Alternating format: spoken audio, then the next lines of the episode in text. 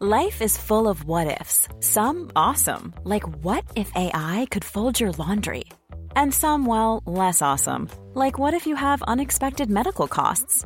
United Healthcare can help get you covered with Health Protector Guard fixed indemnity insurance plans. They supplement your primary plan to help you manage out of pocket costs. No deductibles, no enrollment periods, and especially no more what ifs. Visit uh1.com to find the Health Protector Guard plan for you.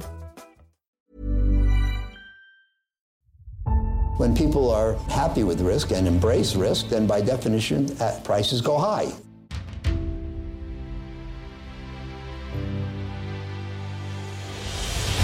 When the cycle turns down, they generally sell at prices that are far too low. This is not about getting more information. We live in a world where we have too much data. I'm uh, happy to report another stable quarter. Hallå och varmt välkomna tillbaka till veckans avsnitt av Aktiesnack. Det här är en podd som görs av och i samarbete med Kalkyl. Och idag så ska vi prata The Psychology of Money av Morgan Housel. Det är en väldigt intressant bok tycker jag, både för den oerfarna och den gedigne aktieräven likt Peter. Jag tycker den är lättläst och eh, Peter har de fem viktigaste punkterna som han har tittat ut som vi ska gå igenom och jag också en del grejer. Så att eh, Peter, over to you. The Psychology of Money handlar om hur personliga fördomar och den känslomässiga faktorn spelar en viktig roll i våra ekonomiska beslut och hur man kan tänka mer rationellt och fatta bättre beslut när det gäller pengar. Vår privatekonomi spelar en väldigt stor roll i våra liv och ändå diskuteras det här väldigt sällan och är heller inget ämne som det ägnas mycket fokus åt i skolan. Jag tycker själv att det vore klokt att både privat och beteendeekonomi skulle vara läroämnen i grundskolan faktiskt. Jag antar att du håller med mig Magnus? Definitivt. Istället för att lära en baka bröd och sånt. Ja, men kanske det faktiskt. Av bristen på kunskap kring de här ämnena så har pengar blivit en vattendelare i dagens samhälle. Många tycker att det är jobbigt att prata om, vissa hävdar att pengar är en anledning till det onda i världen, och vissa tror att pengar är ett resultat av tur, vilket det såklart kan vara ibland, eller att rika människor har blivit det på grund av arv. Men det pengar faktiskt egentligen är, är ju en universell cirkulär påhittad tillgång som går att byta mot andra tillgångar helt enkelt. Och det värdet som pengar ger är ju individuellt och det kommer vi prata om idag. Och vissa lägger ju väldigt stor vikt vid att uppgradera sina liv rent materiellt genom större hus och dyrare klockor, dyrare bilar, kläder etc. Jag själv resonerar väl lite mer så att pengar ger frihet och möjligheter, det vill säga att pengar ger mer kontroll över min tid och då breddar mina valmöjligheter.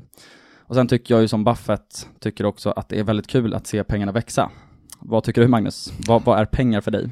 Definitivt. Nej men det är mycket som de pratar i boken om att eh, det handlar om frihet. Och det är egentligen en av de absolut viktigaste faktorerna för att en människa ska vara lycklig.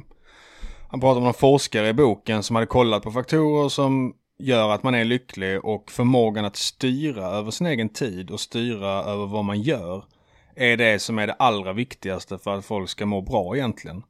Och där är en ganska intressant lärdom tycker jag att det är inte så att den relationen mellan pengar och frihet fortsätter i all framtid. Det är inte så att om du har 500 miljarder så blir du 7000 år gammal. Utan när du väl kommer upp till en viss nivå då har du den friheten och det gör att man behöver ju egentligen inte sträva efter de här miljarderna utan det gäller ju egentligen att komma till en nivå där du kan styra över din tid utan att snåla och sen så kan du såklart ha lite lyx vid tillvaron men det är inte huvudmålet. Precis, och vi stimuleras ju hela tiden att uppgradera våra liv väldigt materiellt egentligen. Och det tycks ju heller aldrig ta slut för många och det lyfter ju också Morgan Housel som en viktig grej egentligen, ett viktigt element kopplat till pengar, att du måste på något sätt hitta en slutdestination för annars är du fast i det här ekorrhjulet. Att du bara vill ha mer och mer och mer hela tiden och där finns det ju ganska många bra exempel i boken också. Jag visste faktiskt inte om det innan jag läste boken, men Jesse Livermore som är en av världens mest kända investerare genom tiderna, han brände ju faktiskt allt efter att ha fått ganska mycket hybris. Han, han prickade en bra blankning under the Great Depression på 1930-talet och sen så eh, gjorde han väldigt mycket pengar på det och sen så torskade han allt i en annan trade och då så tog han faktiskt livet av sig. Och det väldigt, finns otroligt många exempel på folk som liksom lider mycket av girighet, att det liksom, även om de har lyckats väldigt, väldigt väl, de har väldigt mycket pengar så blir de inte lyckliga. Och sen så kan det gå väldigt, väldigt snett också. Om du inte har den här, som också Morgan Housel nämner som ett, ett viktigt element kopplat till pengar, att du behöver också ha en egenskap av att kunna förbli rik. Så att många är bra på att kunna bli rika, men färre tycks vara bra på att förbli rika. Nej men det här eh, är ett koncept som går tillbaka till förmodligen före att Buddha satt under sitt träd och filosoferade för 2500 år sedan. Och det är ju så att vi människor vill ju alltid ha nästa grej. Och när det finns 7 miljarder människor på jorden och vi är uppkopplade och kan se vad alla gör, då finns det nästan alltid någon som är bättre på det du gör än vad du själv är. Oavsett vilket ämne det är. Och därför tror jag det är viktigt att man sätter sina egna mål och inte sätter mål i relation till andra. För då styr du inte själv över din lycka och vad du når upp till. Och jag tar själv och sitter på min balkong varje dag innan jag ska somna. Tänker på det jag är tacksam över. Så att mitt eh, dumma huvud inte sitter och tänker på det jag inte har och gör mig deprimerad. Och jag tycker att det är en grej som har gjort eh, mycket för min sinnesfrid i livet. Och nackdelen då skulle kunna vara att man blir lite lat kanske och inte försöker uppnå så mycket. Men därför är det väldigt viktigt att fortfarande ha mål. Så att du strävar efter någonting men du ska inte sätta dem i relation till andra. Du ska inte låta andras åsikt avgöra hur du mår eller ha det som en måttstock för hur bra det går för dig. Så jag tror att det är två grejer som är väldigt viktiga både inom pengar och inom livet. Och framförallt när det kommer till aktier så är det lätt då att kolla på oj den här personen var upp 100% förra året, jag måste ta mer risk. Och det är en av de absolut sämsta grejerna man kan göra för då tar du förmodligen för mycket risk och då kan du förlora alla pengar istället. Precis, och Morgan Housel skriver ju i boken att the hardest financial skill is getting the goalpost to stop moving. Och det tycker jag är en väldigt bra sammanfattande mening till det vi pratar om just nu. Sen så har vi också fler exempel på det här, Eh, det vill säga att man måste kunna nöja sig och eh, det är inte så många som känner till honom, men eh, det var ju faktiskt en tredje person inblandad också i, i Warren Buffett och Charlie Munger-konstellationen där. Och han hette Rick Guerin och han sägs ju ha varit minst lika smart som både Warren och Charlie och minst lika bra som dem på att bli rik. Eh, men alltså inte lika bra på att förbli rik, utan han tog för mycket leverage, det vill säga eh, hävstång, alltså belåning. Och sen så fick han ett margin call och då sprängde han sitt konto. Och då har ju också Buffett sagt att anledningen då till att han inte lyckades lika väl som Charlie Warren, det var ju för att han var in a hurry, att han hade bråttom om att bli rik. Och det tycker jag också finns ett väldigt bra citat här från Charlie och det är ju att the first rule of compounding is to never interrupt it unnecessarily. Ytterligare ett annat känt citat kopplat till det, det är ju det Buffett sa till Bezos när de pratade. Då sa ju Bezos att om det då är så enkelt att bli rik och om din investeringsfilosofi faktiskt är så enkel som du faktiskt säger att den är, varför kopierar inte folk den? Och då svarade ju Buffett att folk vill inte bli rik slowly. People don't want to get rich slowly. Och ett av de mest intressanta exemplen för min del som jag alltid blir chockad när jag läser. Jag måste alltid dubbelkolla så att inte det jag säger är fel. Men det är ju att av alla NFL-spelare så är 80% antingen i personlig konkurs eller utfattiga tre år efter det att deras karriär är slut. Och då har ju i princip alla de tjänat miljontals dollar och ändå lyckats bränna alla pengar. Och det visar ju lite det här med relationen till pengar man har. Många av dem kommer ju från en miljö där man inte har pengar. Så att så fort de får dem så bara bränner de dem snabbare än vad de kommer in. Och det ser vi exempel ja. på andra personer som Michael Jackson och det, det finns en ganska rolig historia om Mike Tyson. Att han brukade gå runt på nattklubbar och när han såg en snygg tjej så gick han fram och frågade Hey, you want the BUW? Och tjejen bara, va ja visst det kan jag ta. Och då, då köpte han en BMW till den här tjejen som han precis träffade. Mm. Och det är liksom den här typen av vansinnigt slöseri som många tyvärr drabbas av. Och för att bli rik på riktigt och behålla det rikt då måste man göra exakt tvärtom mot vad många gör som blir rika snabbt. Ja, alltså man, man drabbas liksom av hybris och girighet. Och ett annat bra exempel på det som Morgan Housel också lyfter i boken, det är ju eh, McKinseys förra VD, Rajat Gupta heter han, som då åkte in i fängelse för insiderhandel och han satt ju då i Goldman Sachs styrelse när Buffett skulle investera i Goldman för att rädda Goldman under finanskrisen. Och det här utnyttjade då Rajat Gupta och eh, gjorde en insider trade där han tjänade 17 miljoner dollar och han hade vid tillfället då 100 miljoner dollar så att det var inte så att han var i ett jättebehov av de här pengarna. Så att hade han bara egentligen tänkt ett steg längre eller tänkt två gånger, då hade han förmodligen inte gjort den här insider-traden och då åkte han in i fängelse. Och det var precis som, som du sa där Magnus också, att han kom ju från en bakgrund som, eh, som väldigt liksom fattig och därav så, jag vet inte, det kanske bidrog till någon extrem typ av girighet. Men att liksom vara vd på, på kanske det mest prestigefyllda konsultbolaget i hela världen och ändå vara så pass rik som man var och ändå gör man det här. Det säger lite om psykologin bakom pengar och även hur, hur knepigt det faktiskt kan vara. Definitivt, och jag tror det, det färgar investerare ganska mycket också. Om man började investera exempelvis 2016, då trodde man förmodligen 2021 att allting handlade om skalbara affärsmodeller och att det skulle vara digitalt. Började man 2022 så trodde man förmodligen 2007 att allting handlade om att köpa oljeaktier och sen sitta och rulla tummarna och peta navelludd. Och det är ju hela tiden så här att det är ju olika saker som går bra under olika tidsperioder. Så att man kan inte kolla på det har gått senaste fem åren och tro att det kommer fortsätta gå så och basera din investeringsbeslut på det.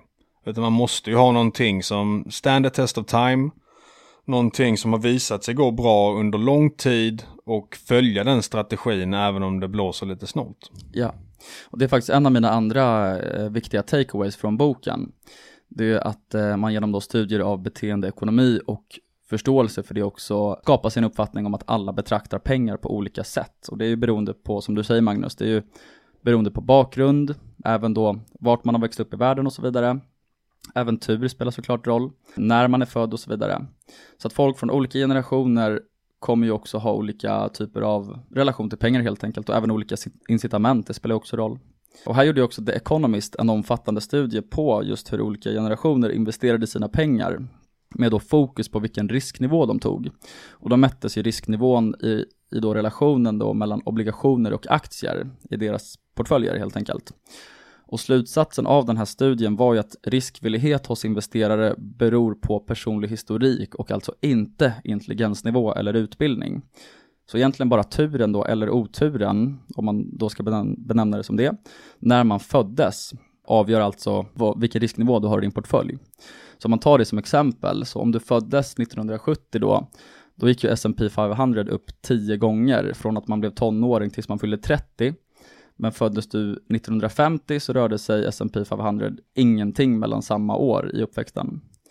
Så det har ju också enormt inflytande. På tal om tur så har jag också, det är också en av mina key takeaways från, från boken. Där har ju Scott Galloway som är ganska aktiv på Twitter också, han är professor på NYU. Han har ett väldigt bra citat att “Nothing is as good or as bad as it seems”. Så jag tycker också att den här boken bidrar till att man skapar förståelse för slumpens roll i livet. Och det skriver också Morgan om, eh, det är inte ett specifikt kapitel men det är någonting han kommer tillbaka till ganska frekvent när man ska koppla då till psykologin kopplat till pengar så är det ju att man kan bli mindre dömande gentemot folk då som har både lite och mycket pengar eftersom att slumpen har sannolikt då drabbat de här personerna på olika sätt. Ja men definitivt. Det är ju lite som den klassikern med eh, Bill Gates som han hade varit född hundra år tidigare.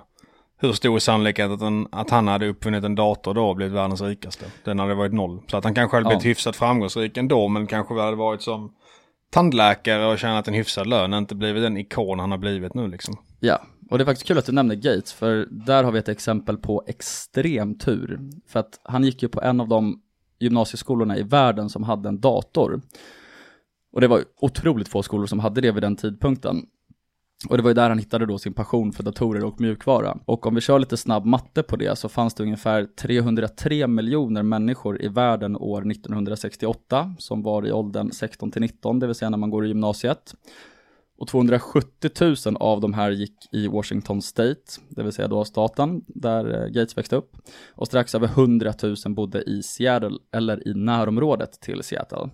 Och 300 av de här gick på Lakeside School, det vill säga den skolan som Gates gick på. alltså en av de skolorna som hade en dator. Så att vi började alltså på 303 miljoner och slutade på 300. Och det här blir alltså att en på miljonen då av gymnasiestudenter gick på, på den skolan då som hade en dator och Bill Gates råkade helt enkelt vara en av dem. Och så kan vi också vrida på det.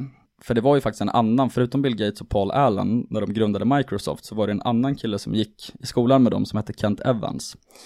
Och han påstod sig ha varit lika smart och driven som både Bill Gates och Paul Allen som grundade Microsoft. Men han dog faktiskt under gymnasietiden i en cykelolycka. Och sannolikheten för det var ungefär samma som eh, att Gates skulle hamna på Lakeside School, det vill säga en på miljonen. Och vill man läsa mer om slumpens dolda roll i livet så rekommenderar jag starkt att läsa Lurad av slumpen av Nassim Taleb som är en av mina absoluta favoritböcker. Fooled by randomness på engelska också. Stämmer. Och jag tror faktiskt att det är klokt, alltså anledningen till att Morgan Housel nämner slumpen så pass ofta, när det är då alltså kopplat till kapitalförvaltning, det är ju såklart för att man ska bara medvetandegöra det, för det är ju självfallet omöjligt att bryta ner det till en exakt decimal eller en given procentsats. Men det är bara viktigt att det bidrar till en viss ödmjukhet och medvetenhet om att slumpen faktiskt existerar när du handlar aktier.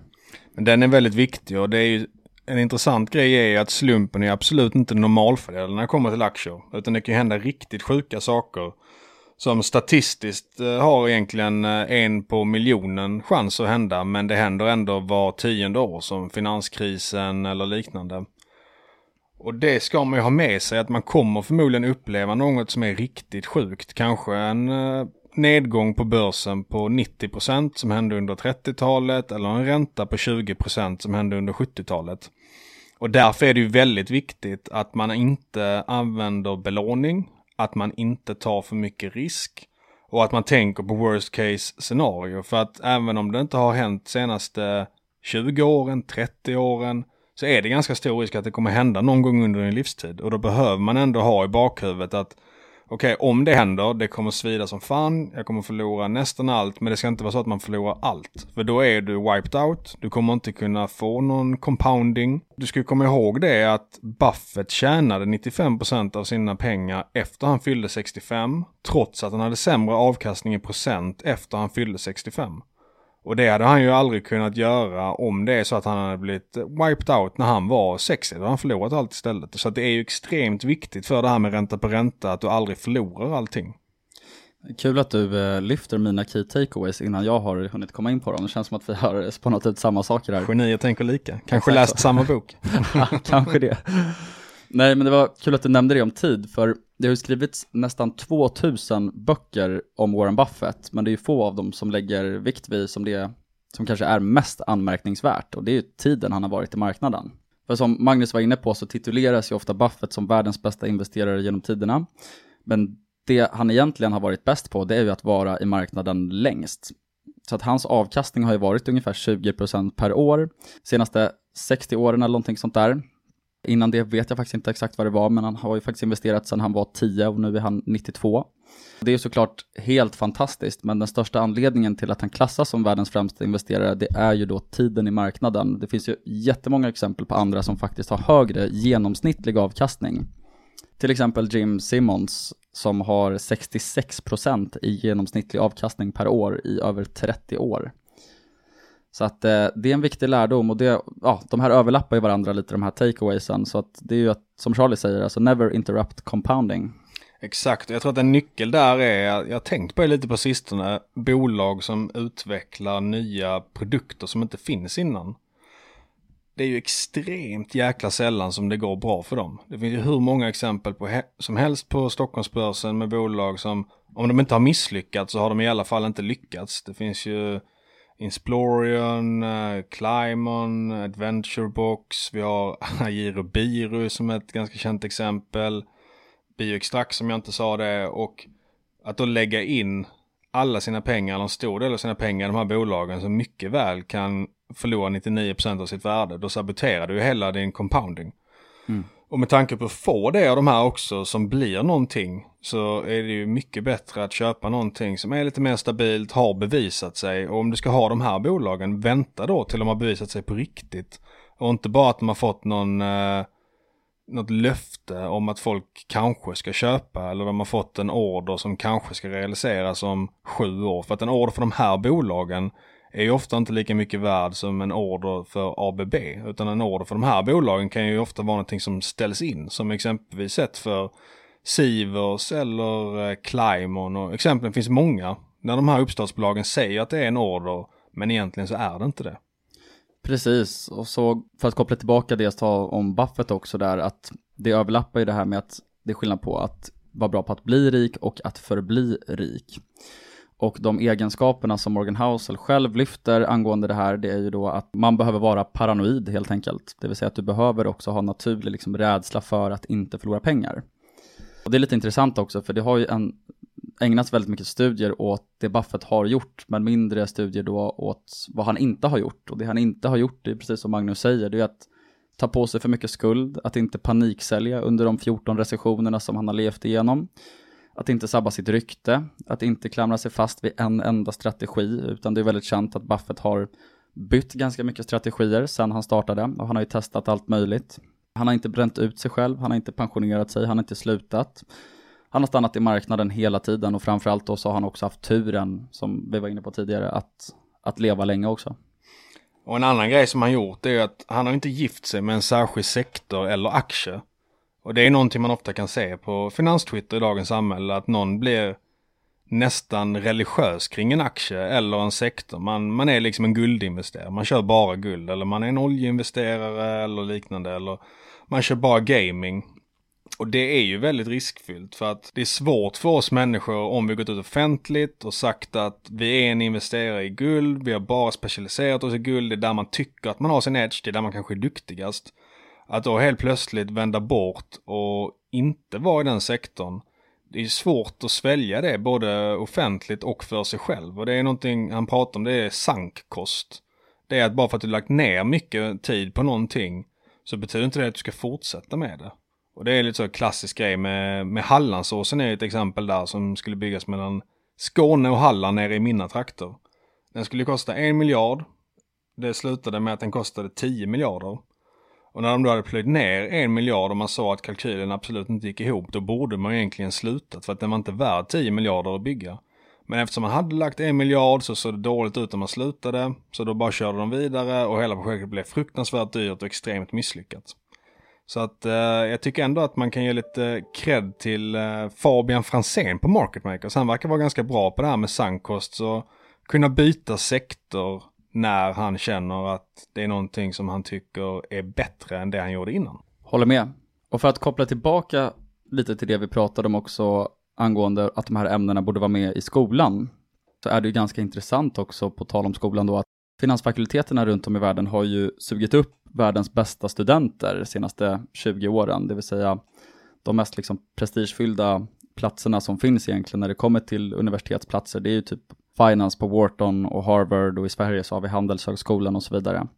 Men det finns ju heller inga belägg som Morgan Housel lyfter i boken på att vi har blivit bättre investerare de senaste 20 åren och det tyckte jag var en ganska intressant highlight från honom. För tar vi egentligen vilket ämne som helst, till exempel medicin eller ingenjörsarbete, programmering, produktion, egentligen vilken industri som helst så har vi avancerat otroligt mycket de senaste 20 åren. Och anledningen till det här det kan ju vara också för att psykologi spelar så pass stor roll inom kapitalförvaltning, det vill säga att psykologi kanske till och med är superior kontra intelligens och utbildning. Och Morgan Housel går ju så pass långt att han menar ju verkligen att det, det är så det faktiskt är. Det vill säga att du, du blir inte en bättre investerare om du eh, studerar vad som, har, vad som skedde 1930 när vi hade den, the Great Depression och du lär dig inte att tackla den utmaningen genom att läsa om det, utan du behöver vad han kallar liksom för scars, alltså emotionella scars, emotionella R, för att du faktiskt ska veta vad det innebär. Ja men exakt, och människans psykologi ändras ju inte över åren. Det är ju en konstant. Vi har ju, vi har ju ärvt den psykologin under tusentals om inte miljoner år. Och det ändras inte på tio år bara för att vi blir smartare eller från fler datorer. Så att det är ju en väldigt viktig aspekt att ha med sig hela tiden. Precis, och sen så kan man också tänka då att det spelar kanske inte faktiskt så stor roll om du läser matte och finansiella nyckeltal på till exempel Harvard eller Wharton. Eh, det kanske faktiskt är den psykologiska faktorn som är den viktigaste. Och det har vi också flera investerare som faktiskt säger det, till exempel Lynch och Buffett. Yes, och, och det är lite som du är inne på så overconfidence är ju någonting han pratar om också. Det är ju väldigt lätt att man får hybris när det gått bra under en kort tid på aktiemarknaden. Och det är någonting man verkligen ska akta sig för, utan att en kort tid normalt sett kanske en dag eller några timmar, men på aktiemarknaden är det kort tid några år. Utan för att du ska veta att det du gör verkligen är bra och att det är en bra strategi så behöver du ofta kanske tio år. Att du kan gå över både en bullmarknad och en björnmarknad när det är recession och det är tuffare tider. För att om du kanske investerar i de här lite mer pissbolagen som jag pratade om innan som inte har eh, några intäkter. Även de går ju ofta väldigt bra i en bullmarknad bara på massa spekulation och hype. Men sen när verkligheten kommer ifatt, det blir recession, då sjunker de som en sten och då inser man att man var inte så jäkla bra som man trodde. Så att ha med sig det är extremt viktigt. Var ödmjuk inför aktiemarknaden, annars kommer den göra dig ödmjuk. Det är som Gates säger, success is a lousy teacher, it seduces smart people to think they can't lose. Så om jag ska sammanfatta mina highlights från boken, då är det ju det här att hur bra man hanterar pengar och hur duktig man är på att placera pengar, det kanske faktiskt inte har så mycket att göra med hur smart någon är. Det kanske istället då har att göra med beteende och förhållningssättet till pengar helt enkelt. Och sen så då att alla betraktar pengar på olika sätt beroende på bakgrund. Det kan göra att man blir mindre dömande när det kommer till pengar också. Det vill säga att någon kan ha en helt annan vy än, än vad du har beroende på faktorer som vi inte kan styra över. Och sen har vi det här med girighet, att det också har visat sig vara kanske det största ekonomiska misstaget som du någonsin kommer att göra om du blir för girig. Och sen så har vi då vikten av tid. Buffett är väl det bästa exemplet på det, att det handlar väldigt mycket om att vara i marknaden länge. Och sen så har vi också det här med att det är skillnad på att vara bra på att bli rik och att förbli rik. Det är faktiskt mina största insights från den här helt fantastiska boken som jag rekommenderar att alla ska läsa. Till och med om man inte är intresserad av finans tycker jag att alla borde läsa den här som sagt. Kan bara hålla med, både om man är intresserad och håller på länge eller inte så är den faktiskt väldigt bra. Och eh, ska jag göra en sammanfattning så kanske kommer överlappa din lite. Så tycker jag dels att man kan säga det att man ska ju inte ta för mycket risk och man ska inte överbelåna sig. Och nedsidan kan ju vara så mycket större än uppsidan. Så på Jesse Livermores självmord, om det är så att du förlorar så mycket pengar så du inte har råd att mata dina barn. Det är förmodligen en extremt mycket värre känsla än om du skulle kunna få 500 000 extra som gör att du kan köpa en klocka du inte behöver. Och en grej vi faktiskt inte pratade riktigt om innan det är också hur smarta folk kan låta som är pessimistiska ofta. Och det är någonting man ska ha med sig att när det är någon som är en Dr. Doom-profet så är det ofta så att de har sagt någonting under 12 år och så händer det 12 året och då säger alla att de är ett geni. Och vi människor är ju starkare styrda av rädsla. Det kan man ju se på nyheterna. Det är ju alltid negativa nyheter för det är det som får igång oss och gör att vi vill titta. Så vi vill ju gärna ta åt oss de här negativa nyheterna. Och det, jag ska bara flika in där och säga att det har ju Kahneman också gjort studier på. Han som vann, eller han som egentligen väckte hela den här, det här ämnet vi pratar om. Han fick ju Nobelpriset 2002. Och det var just för hans studier om beteendeekonomi. Så man benämner han som fadern eller grundaren av beteendeekonomi. Men han forskade just på det, det vill säga att rädsla är en starkare känsla än girighet.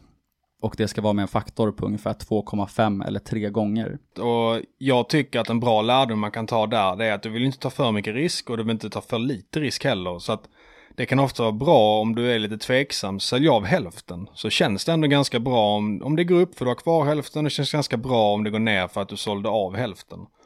Och tänk hela tiden på det, att hitta rätt risknivå. För du vill ju inte vara en permabjörn heller som sitter utanför börsen i tio år. Sen när det går ner så säger ju de ofta att ah, jag trodde det skulle gå ner lite till. Och så köper de ändå inte på botten. Så att det är ju väldigt svårt att vara en permabjörn och pricka botten. Det är bättre att ligga inne med lite grann hela tiden. Ta inte för mycket risker. Spara en del. Och kom ihåg att lyx inte är det viktigaste. Det viktigaste är att uppskatta det man har. Och att ha det man behöver. Vill du definiera risk, Magnus? risk är volatilitet. Nej. Nej, Nej risk är ju, äh, jag fick ju lära mig på universitetet att risk är volatilitet. Jag fattade aldrig det. En aktie som går upp mycket är tydligen riskfylld. Och vad är volatilitet då, Magnus? Volatilitet är när det rör sig mycket i kursen. Men Precis. risk är ju egentligen att du förlorar ditt kapital och det är klart att om en aktie svänger väldigt mycket så är det större risk att det blir wiped out helt och hållet kanske. Mm. Men det viktigaste är ju egentligen att kolla på faktiska risker som politiska risker. Du kanske inte vill ha jättemycket pengar i Ryssland, då kan de bli värda noll. Du vill inte ha pengar, kanske i alla pengar i ett biotechbolag där allting kan gå ner till noll. Men du ska inte bry dig jättemycket om aktien svänger mycket utan det är ju en sekundär risk i min bok som är teoretiker och matematiker har tagit fram. Utfallsintervall är väl ett ganska bra mått på risk. Jag vill att vissa vill benämna det som osäkerhet. Men os alltså utfallsintervall för framtida kassaflöden. Och det var som Magnus sa där, att i ett biotechbolag så kan det vara allt mellan väldigt, väldigt, väldigt mycket kassaflöden om allt går rätt för det här bolaget, eller så kan det vara noll. Så där har du med andra ord ett väldigt brett utfallsintervall. Sen skulle jag säga det också att volatilitet i sig, jag håller med dig Magnus om att det inte är en risk, även fast det lärs ut på finansfakulteter. Men hur du reagerar på volatilitet kan ju faktiskt vara en risk. Och det sagt så kan ju faktiskt volatilitet alltså vara en risk, fast en indirekt risk. Det har du helt rätt i. Det gäller ju att ha psykologin för att kunna hantera volatiliteten. Annars blir det en stor risk. Precis. Och jag tacklar ju det här, det har jag ju sagt i podden tidigare, men om det är någon som inte har hört det så är jag alltid fullinvesterad. Jag tror ju mycket på det Lynch säger, att time in the market beats timing the market. Så det är väl mitt sätt att navigera i allt det här som vi har pratat om, allt det här som blir väldigt komplicerat och tycks drabba alla investerare trots att man kanske är smartast i hela världen. Och i och med att vi tyckte att boken var så pass bra som den faktiskt är och ja, att avsnittet handlar primärt om just den boken, även om vi har kört lite avstickare också, så tänkte vi lotta ut den här boken och allt man behöver göra för det är att retweeta den tweeten när vi lägger ut vårt avsnitt på Twitter från kontot aktiesnackpodd. Så snabel aktiesnack P-O-D-D där hittar ni den tweeten vi kommer lägga ut det här avsnittet, så är det bara att retweeta. Och så finns det en väldigt, väldigt lycklig vinnare som kommer bli väldigt, väldigt mycket smartare och förhoppningsvis väldigt mycket lyckligare. Nu ska jag in och retweeta så jag har en dubbel. Gott, jag äger inga aktier från det här avsnittet. Det gör inte jag heller. Så med det, stort tack och bye! Stort tack, ha det gott allihopa, vi hörs nästa vecka.